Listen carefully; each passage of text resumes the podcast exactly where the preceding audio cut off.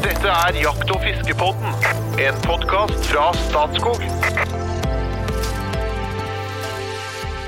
Ja, det fant at det kan rai-rai-pils i kjøleskapet. Det er ryddet opp i kjøleskapet. Det hadde rent tiurblod nedover veggene, så jeg måtte pent rydde opp litt der. Og da fant jeg jaggu meg en rai-rai-pils. Den var ikke så verst, den. Atskillig bedre enn musikken. Ja, det kan ikke sammenlignes. Nei. Hjertelig velkommen til Jakt- og fiskepodden. Det er en podkast om, ja, nettopp jakt og fiske. Den gis ut av Statskog i et uvurderlig samarbeid med Norges jeger- og fiskerforbund. Navnet mitt er Trond Gunnar Skillingstad. Til daglig så er jeg kommunikasjonssjef i nettopp Statskog, og i denne sammenhengen så er jeg tilsynelatende podsjef. Men det er jo så utrolig lett å være kaptein på et lag når medspillerne er så fantastiske som de medspillerne som jeg har. Den ene medspilleren er jo en jegerkonge som har mer jakterfaring enn sitt eget fylke, uansett hvilken fylkesinndeling vi snakker om. Han er blotta for fritidsproblemer, han elsker livet på gården, der han kan leke seg med gravemaskina si, lastebæreren sin, to traktorer, tre dieselbiler med piggdekk, fire unger, snill kone. Eh, ingen, eh, ingen bekymringer med livet, på, livet med Larkins. Eh, hjertelig velkommen, Jo Inge Presjeberget. Ja, tusen takk. Fagsjef i Statskog. Ja. Hot or not? Hot. Ja. Den andre er en humørfylt og ja, I motsetning til meg. Og halvforberedt. Ok. Nei, da, du, Jo Inge, du er en glad, staut, fin fyr. Ok, jeg er glad i deg òg. Ja. Uh, Den andre spora litt her. ja. Du, du, du savner å bli introdusert? Syns det tar litt tid? Den andre er en humørfylt og, som sagt, da, eh, halvforberedt fyr fra Asker, som slentrer nedover livets landevei, eh, der han spiller litt på bluesgitaren. Innimellom så skriver han ei bok, lager helt fantastisk lekre ting av treverk på loftet sitt hjem. Kjøpt seg Det er alltid, alltid muligheter for å kjøpe seg nye maskiner og ting, vet du. Ja. Så nå har, vi, nå har vi kommet til det. Han er rappkjefta som få, utrolig talentfull. Norges, Norges jeger- og fisk sin informasjonssjef, og poddens kunstnersjel. Hjertelig velkommen, Espen Farstad. Tusen takk. Fornøyd når, det endelig ble, når du endelig ble introdusert? Ja, jeg tenker på disse her lytterne som må gjennom dette hver gang. Men det er kanskje sånn det er. Jeg tror det, jeg tror det, Det det, det er vanens lune favn. Ja. Jeg tror, jeg tror jeg blir helt utrolig skuffa hvis jeg bare sier ja, hei Espen, hei Inge, nå kjører vi i gang. ja. Ok, ja, jeg er enig. Og hvis jeg hadde gjort det i dag, så hadde jeg jo glemt av en person, for vi sitter jo her med en gjest. En gjest som er helt briljant, vil jeg si, på fluefiske. Vi snakker selvfølgelig om eh, en høgskolelektor som eh, spiller munnspill langs livets eh, landevei. Hjertelig velkommen tilbake til oss, eh, Tore jeg- Av og til så hopper jeg over mellomnavnet, men nå tar jeg det. Tore Litleré Rydgren. Veldig bra, tusen takk. Ja, og Litleré, det kom fra Voss, Voss, ja. Vestlandet. Det er relativt eh, krevende for meg å si. Litt, litt, litt, litt Det er, det, er, det er enda verre etter to pils. skal jeg ja, Men du, du har vært med oss før, men eh, for eh, Vi får jo noen eh, tusen nye lyttere for hver fredag. For nye lyttere, fortell litt om deg sjøl. Ja, i egne øyne ung mann, fluefisker og familiefar fra Elverum i den rekkefølgen. Eh, eh, lever et eh, aktivt jakt- og fiskeliv, og, og kanskje fluefiske som jeg er tyngst på. Dilla på gamle Land Rovere. Bluesmunnspilling. Ja, det er noen stikkord. Ikke minst det, altså. Men det er jo ganske smart valg. Det. Jeg tenker, for Ofte så har jeg vært litt misunnelig på dere som bare kan dra frem gitaren og så sitte på nachspielet og dra frem gitaren. Mens jeg må jo hente en tilhenger. Med piano, helt håpløst, men eh, eh, gitaren blekner jo Opp munnspillet, ja. opp mot munnspillet. Ja, ja. For det kan være tungvint å dra med gitaren òg. Noen settinger. Det er ikke alle steder det passer liksom, Nei, å ha er med deg gitaren. Så klart det munnspill det er, liksom, det er litt, mer, litt mer hendig å ha i brystlomma. Det finnes det mange typer munn, munnspill? Sånn, er det bluesmunnspill og Det er veld, veldig mange typer, og, og, og jeg er heller ikke sånn at jeg drar med meg munnspiller rundt overalt. Det er jo, eh, Jeg hørte en gang eh, definisjonen på en gentleman er en mann som kan spille munnspill, men som lar det være. Ja, ja. Det er litt sånn som på tre- trekkspill, det. Ja. Vi skal ikke videre inn på munnspill, men når du er på fisketur, og er alene, og fyrer opp bålet etter dagens stunt, drar du det noen gang frem? Sitter jeg helt stille. Nei, jeg gjør ikke det. Du hører at det var flåklipp Ja, ja, ja, ja. Nei da, i dag så skal vi inn eh, på fluebinding. Ja. Og, men ikke hvilken som helst eh, fluebinding, for vi skal se Nå er det nemlig jeger- og fiskerlivet som eh, blandes litt. Eh, Og vi snakker litt ulike sesonger, vi snakker råvarer, og vi snakker om å gi opplevelsene en unik historie.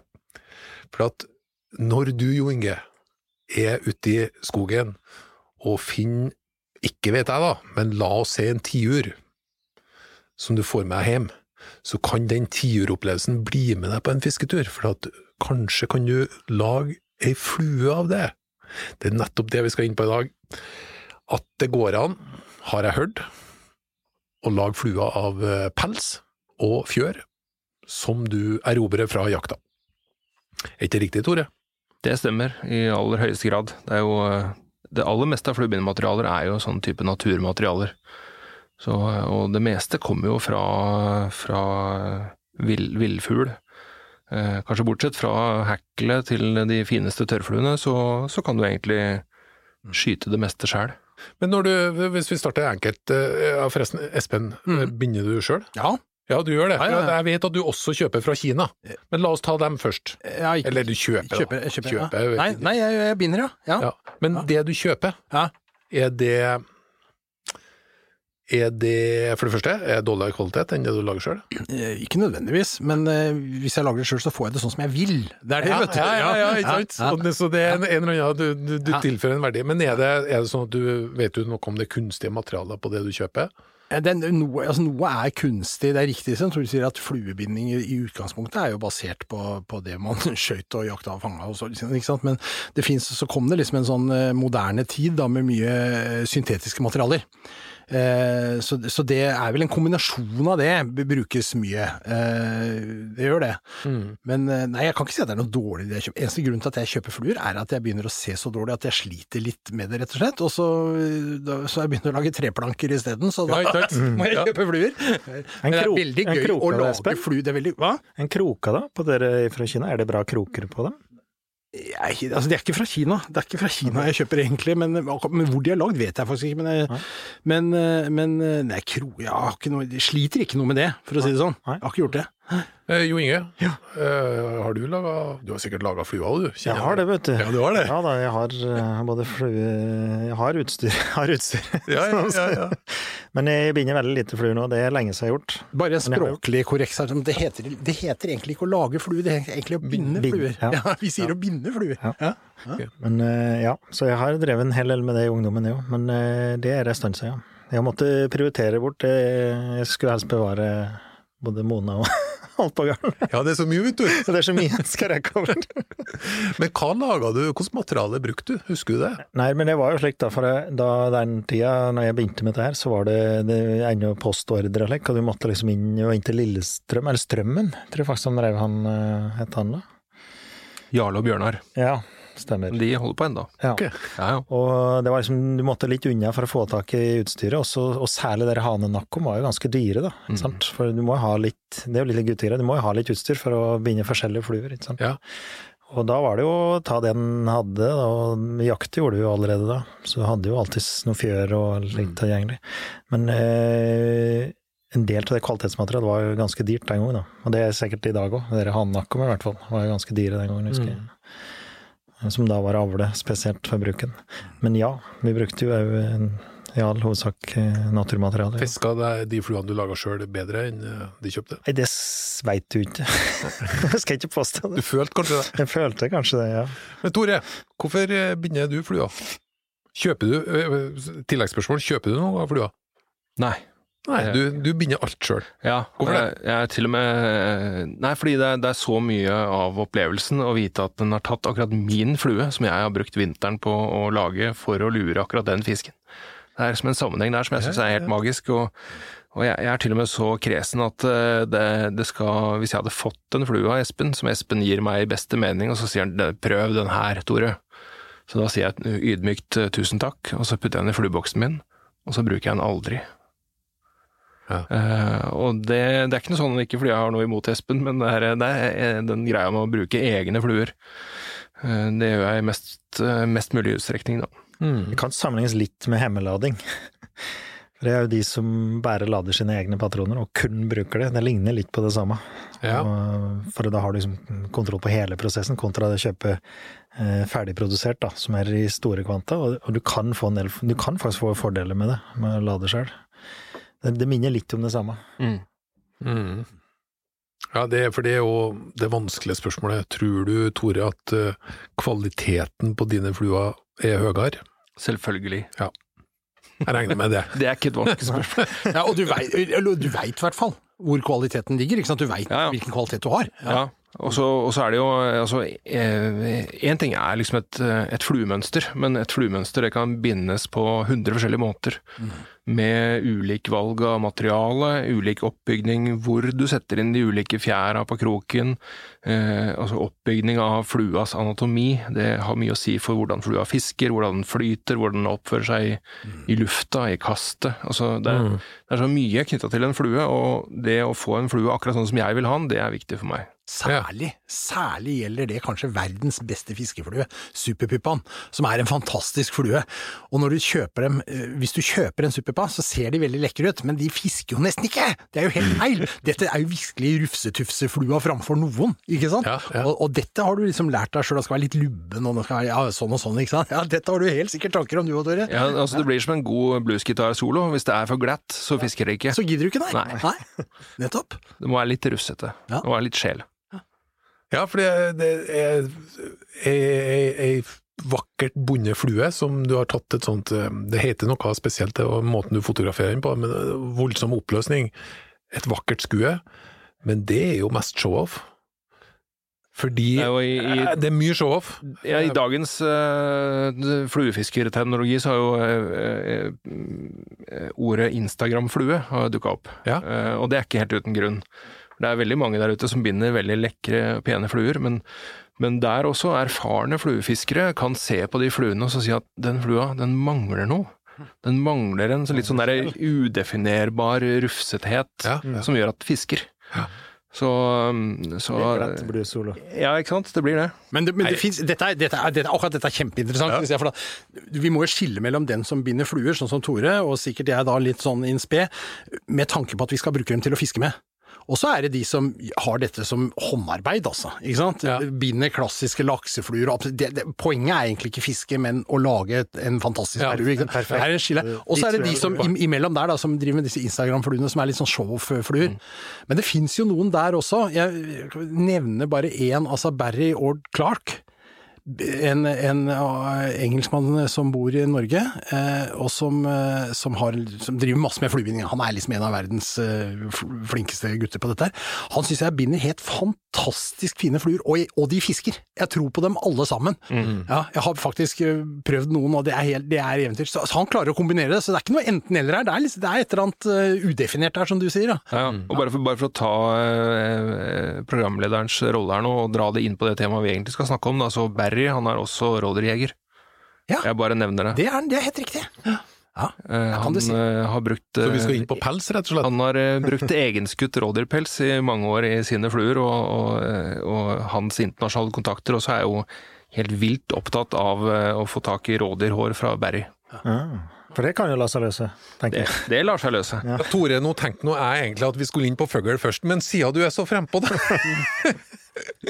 Nei, men rådyr, ja. For jeg er jo litt sånn spent nå. For flua skal jo noen ganger flyte, og noen ganger skal den synke litt under, noen ganger skal den gå lenger ned. Eh, vi- må starte en plass, og du, du plukka deg Du, du valgte rådyr her nå. Så rådyrpels er noe du kan bruke i fluebindinga. Veldig fint materiale. Eh, Ja. Og det inngår i veldig mange av de viktigste mønstrene rødtfiskere har om dagen. Alt fra streaking Caddies, eh, Devil Bug, eh, mange, mange mønstre etter hvert som bruker hjortehår som eh, sin viktigste komponent. Og da står det alltid hjortehår i oppskriften. De fleste fluebindere som har prøvd rådyr, de ser seg ikke tilbake. De, okay. de går for rådyr isteden. Vinterpels av rådyr. Eh, Jeg var på vei hit til studio i dag, bare for en liten eh, anekdote. Da var jeg innom en av de lokale fluefiskebutikkene her i Oslo. Og de fortalte de hadde fått seg en avtale med en fallviltgruppe. Ja. Sånn at de fikk tak i vinterpels fra rådyr fra januar-februar, når vinterpelsen virkelig var tjukk og lang og kraftig. Og, så det var liksom det store skupet de hadde gjort, da. Så de fikk tak i enda bedre vinterpels enn det jeg har lov til å skyte. Så, skjønner. så, så der har vi det gående. Ja, har, har rådyret sånn eh, pels sånn under og ytre pels og indre pels, så nær sagt? De har, de har litt eh, ull under, som vi ofte kammer ut da, når vi skal binde med liksom selve håra, hårbuntene. Eh, men Se den i batten, på, så vil du se at det er litt underull der. Ja. Mm. Men, men de er jo forholdsvis sprø. Men eh, går det bra? Ja, altså de er egentlig ikke så, så sprø som uh, For det ja, reiter jo ganske mye, og så kan de virke liksom sprø, men det er ikke sikkert de er det. Nei, de, de, de, tåler, de tåler mye, og de tåler i hvert fall like mye som hjort. Uh, Men jeg har også tenkt å hjort, rakke litt ned på en av hjortedyra våre, uh, sånn i fluebindesammenheng, da. Det er uh, reinsdyr. Ja, makan det. Det er uh, fryktelig artig å jakte, og veldig godt å spise, men det er et elendig fluebindemateriale. Ok, ok.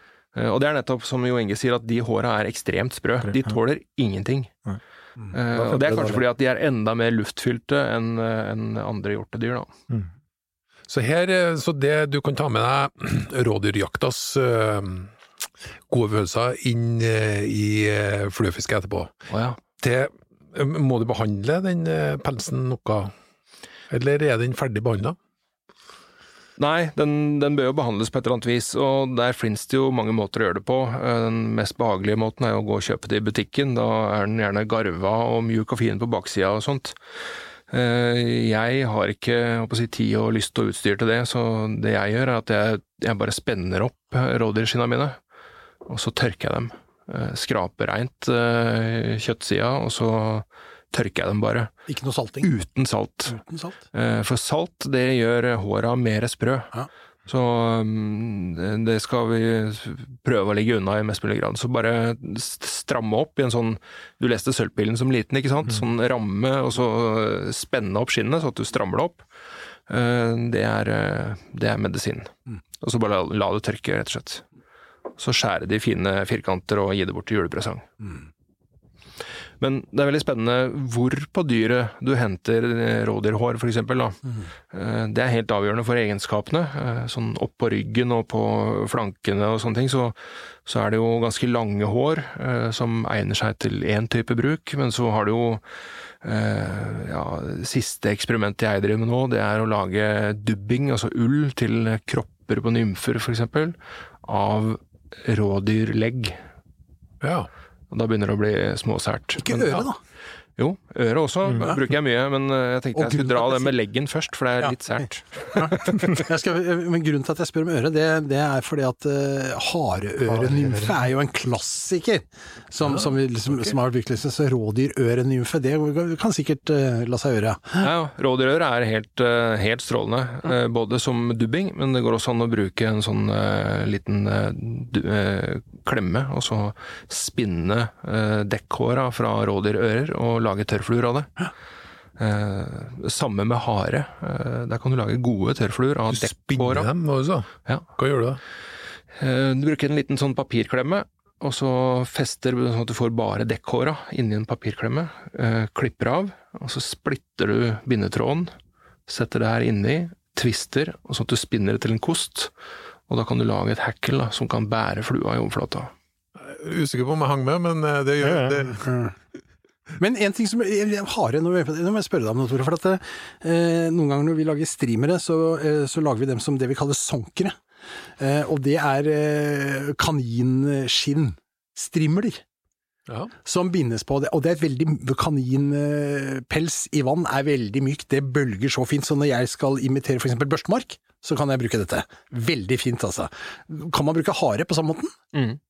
Det går fint. Ja, det går fint. Og det er jo masse å velge i der på sånne type sonkerstrips, som Ja. det heter i hverdagstale på fluebinderspråket. Yes. Eh, Det er sånne skinnstriper da, med håret på, Ja. eh, som du bruker eh, til den slags. Og eh, kanin er jo det, det absolutt mest vanlige, men, eh, men det er også ekorn på litt mindre streamere. Ja. Helt strålende med sånne sonkerstrips av ekorn. Mm. Uh, ilder, uh, muskrat, uh, Bisamrått. bisamrotte, ja. Nå, fred, Eh, nå fredag og ikke lov å skyte lenger, fra 1. april. Ja, men de blir importert. Ja. Så, så det, det, det finnes masse sånne eh, type spennende materialer der ute. Og ekorn, du nevnte ekorn, det er jo mange som finner ekorn etter veien, for eksempel, eller, eller fanger dem, eller Ja, Ekornhale var jo gammelt fluebindemateriale, det det husker jeg jo fra jeg var liten til og med. Liksom. Og det er et eh, bra fluebindmateriale enda, mm. og særlig på laksefluer. En del sånn hårvinger laksefluer, så blir det brukt mye enda. Og du nevnte jo laksefluer i stad, period, og du sa klassiske laksefluer. Det har jo heldigvis gått eh, litt mer over på si, naturlig forekommende materialer. Det var jo en del ting der som ikke tåler dagens lys i dag, i hvert fall en del av de materialene som inngikk Fredede arter og sånn. Ja, ikke minst. på Jungle Cock, tenker Jungle du på. Cock, for eksempel, men det Ja, var jo som altså er eh, en jungelhane. ja. Med, som hadde et, hadde et hvitt øye på en svart fjær, som, som, var, som gjorde seg veldig godt på ei nærmest for å illudere et slags øye. Da, på, men denne arten var vel eh, ganske hardt trua, var den ikke det? ja, og langt på vei på grunn til behovet, da, for å få den i fluer. Dette bringer meg rett i en limerick. Nå er vi der! Jungle Cock, ja. Nei da, nå skal dere høre. Den en- Den, heter, den limericken heter Forbudte fluer. Ja. Jeg gruer meg litt til den. Altså. Da er jeg Den har, en fall spent! den har en dobbel bunn, kan man si. En mørkhudet fluebinder fra Medoc fant seg fluebindermateriale helt ad hoc. Han klippet hår fra sin midte, ja, vi snakker om skrittet, det ble en flue med ekte jungle cock.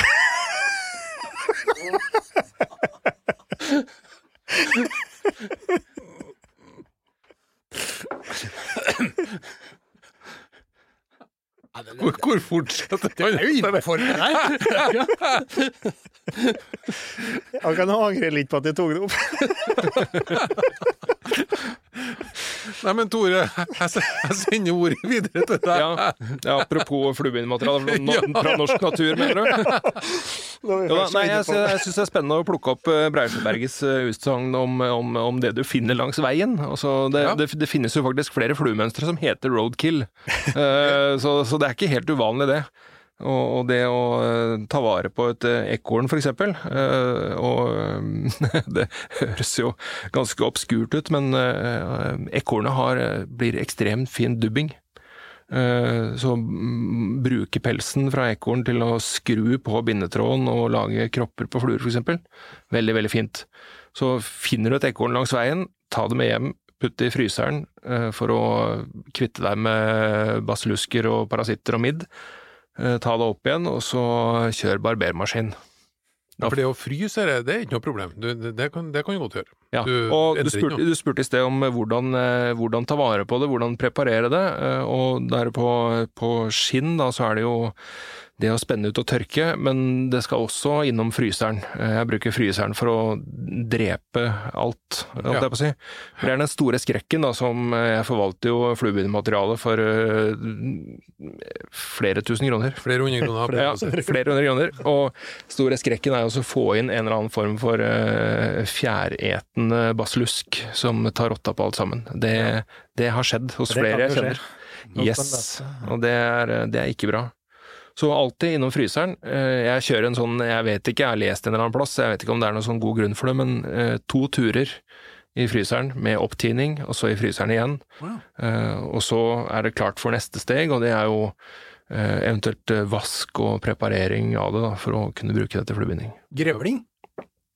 Grevling er innafor. Det er innafor. Ja. Ikke å ha i fryseren, men, men eh, Og du tenker på den gamle sangen 'Jeg har en grevling i fryseren'? Ja. ja. Nei, jeg tenker på om det er noe på grevlingen vi kan bruke til annet enn barberkoster. ja men, eh, men du kan også snu det på det. da. Jeg har bindet utrolig mye fluer av barberkoster. Som er laga av grevling. Ja. om omvei der, ja. Ja, da, da slapp jeg å jakte grevling den dagen, så da gikk jeg bare i skapet, og du ser at jeg er kledelig skjeggete, så den barberkosten den er eh, nå borte. Men det er fine hår i en barberkost. Det, Ja, ja, ja. det er jo to av de fineste Ja, grevlinghåra. Eh, og det ble jo brukt fra gammelt av i disse gamle eh, aurlandsflua. Eh, blant annet, eh, som er en sånn eh, skatende tørrflue for sjøørretfiske på, dagtid på Vestlandet. Den brukte, Det er veldig sært og veldig smalt, men veldig kult. Den brukte jo grevling som en sånn vinge opp på skrå foran, for at den skulle sørge for at flua plana oppå til enhver tid. Og grevlinghåret er så stivt at den sørger jo for at det funker jo kjempebra. Mm. Ellers så er det jo elg.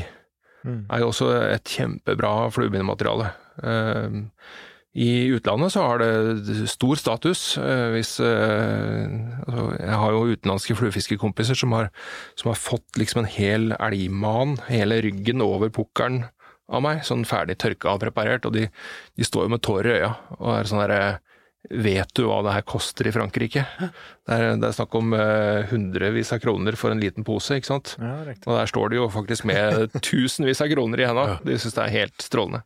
Det, er ikke Lars må ikke for, det må ikke forveksles med Elcare. Altså som i Elcare Caddis, som er jo en veldig vanlig og attraktiv flue. Ja.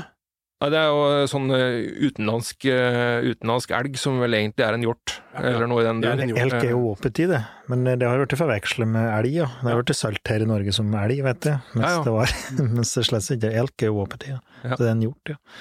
Men eh, apropos det, da, så er det jo eh, Tidligere så tok vi vare på elgskinnet. Altså det var jo en salgsvare. Og ble preparert og salte, og så fikk vi levert dem, fikk en, noen småpenger for dem. da. Men det blir det jo i veldig liten grad i dag. Knappast at det skjer i dag. Så at eh, elghår er jo faktisk mulig å få tak i. da. Hvorfor ikke, egentlig? Eh, Røyte dem, eller? eh? Nei, greia er at prosessen det å få tak i pene skinn har som regel skader. Enten hund eller folk er litt slurvete med kniven, eller så det var fryktelig mye vrak. Og transport og alt det der. Veldig mye vrak. Så av alle skinnene som lever inn, så var det bare en brøkdel de klarte å, å bruke. Og så Ja. er arbeidskrafta i Norge er jo for dyr, da. Så det har liksom vært sendt til utlandet, og Polen og ikke alle sånne, Baltikum og, og Østen og det, for å få det. Og det, det ble ikke butikk i det, for det er jo ekstremt mjukt, elgskinnet Mm. ordentlig mjukt. Jeg har en kaffepose for eksempel Mm. i skinn, eller ja. Det var jo greia de drev på med skinn i soler i gamle dager, da. det er som skinnjakker og alt. Det er et kjempemjukt skinn. Og ordentlig brukende, men eh, det er liksom, du får ikke butikk i det når du skal bearbeide det. og Det er fra Soler alle de trønderske skinnvestene egentlig kommer fra. Men det må du ikke si. Men du, bortsett fra øh, rein, da, så er det veldig mye bra, bra fluebindemateriale, skjønner jeg. Eh, Og hjortevilt der er jo store mengder, men så er i tillegg eh, hare og Og med husdyr. Var, var vi inne på bever, forresten? Ja, eh, bever også er eh, Der er det mye kult, men vi må nevne noe spesielt med hare, da, som, eh, som Espen var innom her. Det er kanskje noe av det mest berømte naturmaterialet flua som fins. Gold-ribbed harse air. Det er rett og slett pelsen fra hareøre. Eller hardørenymfe blir også kalt på norsk. Mm. Det er en gammel klassiker som står seg veldig godt, og som funker som ei kule fremdeles. Og hare haremaske også. eh, Pelsen i fjeset på hare okay. er også veldig poppis, og, og pelsen ellers. Men det er én ting vi har glemt, og som er helt super kvalitet på i Norge, og det er eh, føttene. Eh, hvis du går i en fluefiskebutikk i Oslo, så kan du kjøpe en pose med snowshoe hair. Mm. Og det er eh, amerikansk eller argentinsk importert uh, harefot. Mm. Som har- har med USA, ja. Ja, Ja. Som har en sånn spesiell kvalitet på, eh, på fibrene mellom uh, potene. Altså mellom klørne. Mm. Så sitter det en sånn veldig sånn vannavstøtende fin pels, ja. som er eh, helt suveren. Men den norske haren, den vil jeg faktisk påstå er enda bedre Mm. eh, enn den eh, utenlandske importerte. Så kjenner du en harejeger eller jakter sjøl, eh, og får tak i harelabb, gjerne baklabber, og gjerne med vinterpels, så da har du en liten gullgruve. Da får du fantastisk gode tørrfluer. Du snakker om vann, vannavstøtende her nå, for det som, som sagt, altså, flua skal jo være på ulike plasser i vannet, såpass har jeg lært meg nå. Noen ganger skal det være en tørrflue som skal være oppå, noen ganger skal den eh, være rett under overflata, og noen ganger litt lenger under overflata. Er det ulike typer bruker du ulik type pels til de ulike kategoriene her nå, på hvor, hvor i vannet de skal være? Og det andre jeg lurer litt på, det setter du dem impregnerer du, eller liksom Eller er det kun naturlig impregnering? Å, det var et uh, stort og langt spørsmål. Eh, men jeg kan begynne i en ende, jeg. Eh, Ja, vi velger materiale etter om flua skal flyte eller synke. Og veldig mange naturmaterialer er jo i en sånn kategori at de eh, synker. Eh, Sånn som eh, det meste av eh, harepels, for eksempel. Sånne sunkestrips, eh, sånne type ting. Eller dubbing fra ekorn har jo heller ikke noe flyteevne. Selull. Selull eh, er også i samme kategori. Men det finnes også naturmaterialer som gjør det motsatte, sånn som vi har vært innom. eh, Rådyrpels har jo hule hår, eh, og i hvert fall de litt sånn grove håra oppå ryggen, de har en sånn egenskap som gjør at flua plutselig flyter veldig godt, og det er veldig interessant. Og det er derfor vi bruker den type materialer på sånne type tørrfluer, da. Eh, Så, så det er eh, velge pels og dyr og eh, flora og fauna etter hva slags egenskaper du vil at flua skal ha, det er veldig viktig. Tore, si litt om CDC nå, når du er inne på det. Skal vi, skal Ja, jeg dit? syns vi skal, jeg syns vi skal gjøre det. Vi må over dit. Ja, Og det er jo alternativer. det, det, Da er vi liksom over på, på fugleriket, og der er det jo ekstremt mye å velge i. Jeg tror, jeg tror du kan binde fluer av alle jaktbare fuglearter i Norge. Eh, Det funker som ei kule. Rubbel og bit. eh, eh, Men der også så gjelder det å velge riktige deler av fuglen, riktige fjær til riktige mønstre og riktige fluer. Sånn som de gamle klassiske våtfluene som har en sånn grå fjærving gjerne, den er jo laga av stokkan. Det er som vanlig standardmateriale. Eller eh, March Brown med fasan, eh, vingefjær fra fasan, for eksempel. Eh, men du har CDC-en, og, og da snakker vi jo først og fremst ender, og CDC er jo en sånn kortform for fransk uh, coud de canard, som er uh, andegompefjær, oversatt til norsk. Og det er det helt spesielle fjær som sitter bakerst på endene, oppå anda, men helt ute i halerota, der som eh, halefjæra sitter i, fuglen. Så der finner du en sånn liten fettapp. fettetapp. Den er stor som en eh, liten lillefinger, en sånn ordentlig sånn eh, tapp som stikker opp, som er en fettkjertel som endene bruker for å pusse nebbet på for å impregnere fjærdrakta si. Så rundt eh, den fjærtappen, den eh, fettkjertelen, så sitter en eh, 30-40 fjær kanskje på en and, som er helt gull til fluebinding. Ok. Uh, Det som er Da prater du salgsvare. da snakkes jeg salgsvare, og det er dyrere enn heroin, eh, tror jeg. uh, og, eh, men det som er en sånn godt bevart hemmelighet, er at den type fjær den fins på de aller, aller fleste fugler. Eh, uavhengig om de lever i vann eller på land eller hva de gjør. Så, så sånn type gåseøyne CDC fra rype eller fra tiur eller årefugl, det funker også som ei kule flyter like godt, og de sitter rundt den samme fettkjertelen og er også impregnert og vannavstøtende, naturlig. Så det er et tips. Så jeg tenker at det er her vi virkelig knytter jakt og fiskepodden Ja, sammen. ja, ja, ja, ja. Mhm. Jeg tenker, jeg tenker også, hvis, eh, for jeg, jeg, jeg kjenner jo sjøl at det, det mest fantastiske med det er jo at du har med deg historien. Du har med deg historien fra den fuglejakta, eller den eh, hjorteviltjakta, eller beverjakta, eller hva det nå enn skal være, inn, og så lykkes du med å ta noen liksom, råvarer fra den opplevelsen og inn i den nye opplevelsen. Hvis du da ikke er jeger og ikke har tilgang på sånne ting, så tipper jeg jo at de aller, aller, aller fleste jegerne ikke gjør akkurat det vi har snakka om nå. Fins det noen enkel måte å få tak i få tak i råvarer på, rett og slett? Skulle vært en organisasjon som samla disse menneskene, vet du. det burde Ja, det- skulle vært det. Så det er jo Dette er det vi så moderne kaller sirkulær økonomi. vet du. Ja, men det handler jo bare om det. Å gidde å spørre en jeger og si du som jakter rådyr, du har ikke vært mulig om jeg kunne fått uh, tilgang til litt, liksom. Det, det, og det, jeg tror ikke du får nei, for å si det sånn. Nei, nei. nei, nei. nei. Ja, Du får ikke rådyr i februar, da, men uh, du får jo vinterrådyr skutt rett før jul, så vil jo de sikkert uh, funke, de òg. Lille julaftens rådyr, det, er- det er veldig bra. Det bra. Det er prima. Ellers er det det å knytte historier da, til fluene sine, og omvendt. Det er, Jeg har fremdeles på bindepulten min hjemme, så har jeg halefjær fra den første tiuren som jeg skøyt for min engelsksetter da jeg var 14 år. Ah, Eh, ikke sant? Som eh, masse følelser knyttet til den, og den lager jeg fluer av den dag i dag. Eh, Et, et spørsmål som kommer helt naturlig da, Tore. Har du lagd flue med dubbing fra den engelsksetteren? Yes. Ja, det Eh, det står faktisk på lista mi at jakthunder også må vi egentlig Ikke trekke her. Det er eh, mye god pels der.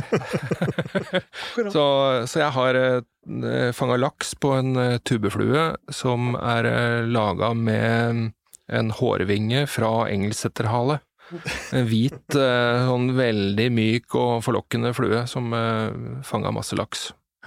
Ellers så er det jo, det er jo også sånn vanlig vært i mange, mange år. Du har jo de britiske laksefiskemønstre, Collie Dog for eksempel, som, som kommer fra en border collie, sannsynligvis, da. Eller, eh, ja. Så, eh, så jakthunder kan brukes til så mangt. Jeg spør deg, Tore, når du kjøper flua, når man, du gjør ikke det, men når man kjøper flua på butikken, er det eh, naturlige materialer, eller er det i hovedsak eh, kunstige materialer som blir brukt? Det er eh, veldig få typer eh, fluer som blir bindet med bare syntetmateriale, eh, hvis du snakker kunstig, liksom. Så de aller fleste fluer har en eller annen grad av naturmaterialer. Eh, kanskje hvis vi er på gjeddefluer og litt sånne ting, så er det mye syntet og mye flash og glimmer ute Ja. og går. Eh, Kan få noen streamer og sånn, men altså ikke på de derre Ørret, røye, sikk og harrfluene som vi bruker. Der er det, som du sier, nesten alltid naturlige materialer inne i bildet. Så finnes det jo fluefiskere som, som liker best å fiske med de som de kaller for organiske fluer. Da. De liker jo best å fiske med fluer som er bygd på naturlige materialer. Så jeg har ikke vært borti noen som har eh, dratt det så langt at de kun fisker med fluer som de har skutt sjøl, men uh, skulle ikke forundre meg. Jeg tenkte jeg skulle høre eh, hvilken flua du er aller aller mest fornøyd med, hva du har fått mest fisk på og sånt, men f før det, så nå et lite forvarsel. Før det så skal vi ta et lite valghetskval, og det er ganske enkelt, og det er en lytter som har bidratt med. Espen Jo Inge Tore Rekeflø.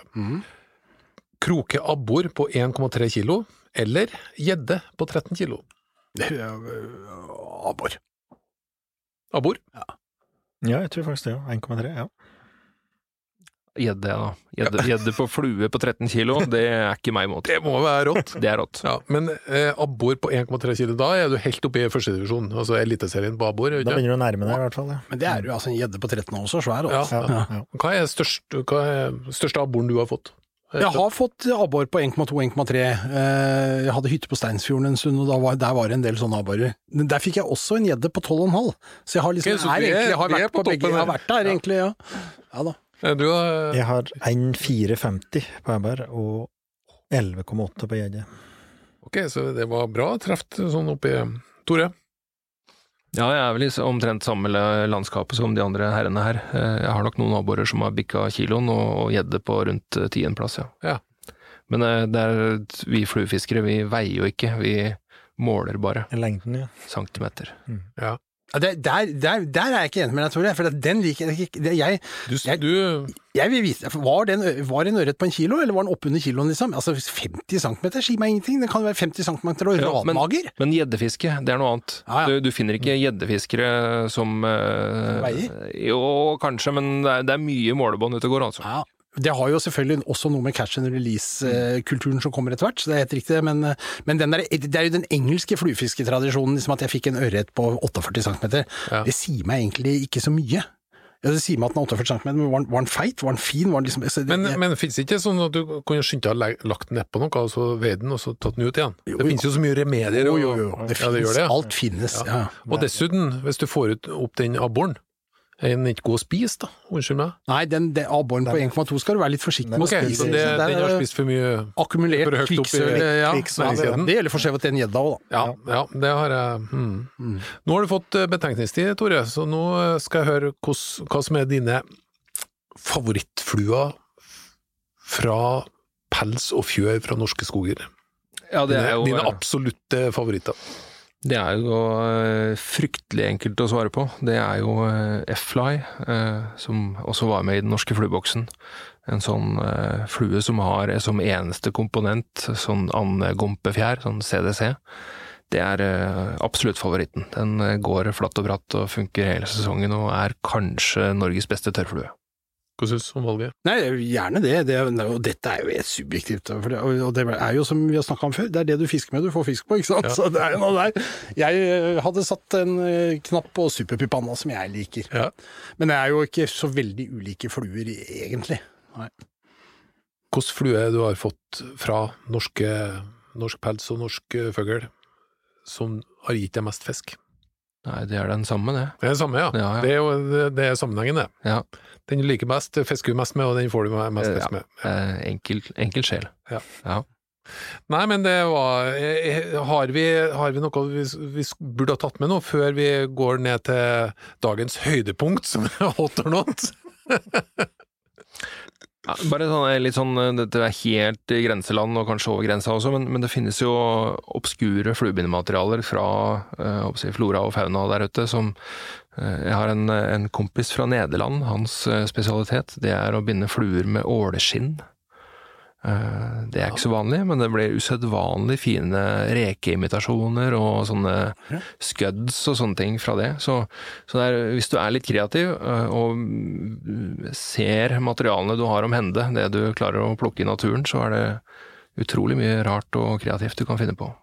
Og kanskje oppfordre til å bruke mer, da. Ikke nødvendigvis at du må kjøpe noe som er importert. Absolutt, og, og eh, ikke bare oppfordring til øh, fluefiskere som kjenner en jeger, men også opp, øh, motsatt. Altså, er du jeger og du kjenner en fluefisker, så spør den da. Vil den ha tiurskinnet ditt? Og svaret er garantert ja. Nei, det er bra. Eh, kjære lytter, har du spørsmål, innspill, da tar du kontakt med oss på Facebook eller Instagram, eller e-post eh, jakt- og eller eh, per brev. Det er også mulig, jeg husker ikke adressen. Eh, før vi går helt ut, er du klar for en hot or not? Ja da. Tore, du skal svare først. Deretter Jo Inge, så Espen. Gullfisk, hot or not? Hot. Ja, hot. Hot, ja. Mindretallsregjering, hot or not? det er hot. Nei, not. ja hot. Espresso, hot or not? Ja, Så lenge den er varm, så er det hot. Jeg sier not, det, faktisk. Ja, not. Å ja. Mm. Leatherman multikniv, hot or not? Det er hot. Hot. hot. Det var da not på Espen. Lokalprodusert, kortreist, bærekraftig brennevinsproduksjon i Trøndelag, eh, Trøndelag, hot or not? Det er hot. Det er not. Ja, det er stor not, altså. Ok, men da samler vi oss om noe positivt til slutt. Fra DDE-albumet Energi, låta Ingen verdens ting! Hot or not? Not. Det var hot fra alle tre. Takk for følget, og hjertelig velkommen tilbake neste fredag.